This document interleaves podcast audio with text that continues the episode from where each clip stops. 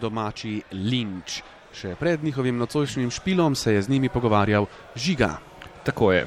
Um, Linče smo prvič videli na špil ligi pred več kot tremi leti. Kaj pa se je za njih spremenilo od takrat? Uh, mi.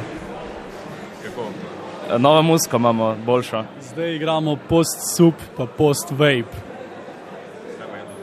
V tem smo se nekako našli. Vedno smo iskali neke žanrske opredelitve, na kar smo ugotovili, da post-sup in post-vape, to smo mi.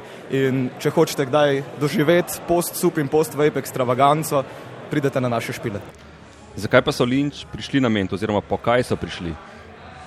Bolj bobnarja. Bobnarja, Ja, prav. evo, za Val 202 uh, potrebujemo, uh, po tem špilu potrebujemo bobnarja, tako da če se kakšen javi, ga z veseljem povabimo. Pa to je za res. Ja, to, to, to, to, to, to, to se pa ne zabava. Se pravi, vaše pričakovanja od menta niso, da boste prodarili tujino, ampak baby steps, se pravi začetek bi bobnarja. Mogoče, ne, tudi v tujino bi šli. Pač v tujino gremo, valjda. Ja, ja. Čudo, no. Ja, ne mislim. Zdaj, zdaj imamo nek repertoar, ki ga pač lahko skoraj da že samozavestno izvajamo in pač rečemo, to smo mi. Uh, sicer pa ja, nekaj je prišlo vmes, tako da pač smo mogli Bobnarja zamenjati. Um, potem je vskočil Jape, ki, ga, ki danes sicer ni le zraven pri intervjuju, ampak se ogreva. Um, in smo se zmenili, da do menta od Bobna on, potem pa pač iščemo novega Bobnarja. No, torej, repertoar pravijo, da že imajo, kdaj bojo pa objavljeni prvič kakšni posnetki?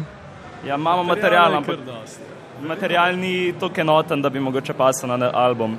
Ne, razmišljamo o kakšnih malo bolj alternativnih načinih izdajanja glasbe, kot je nek long play, ki je mogoče že malo zastarel, glede na to, da ni več omejitev me, glede medijev. Tako torej Linč na ploščo razigranih predstavnikov najmlajše generacije rockerjev bomo torej morali še malce počakati, jih pa zato lahko slišite in ujamete na koncertih.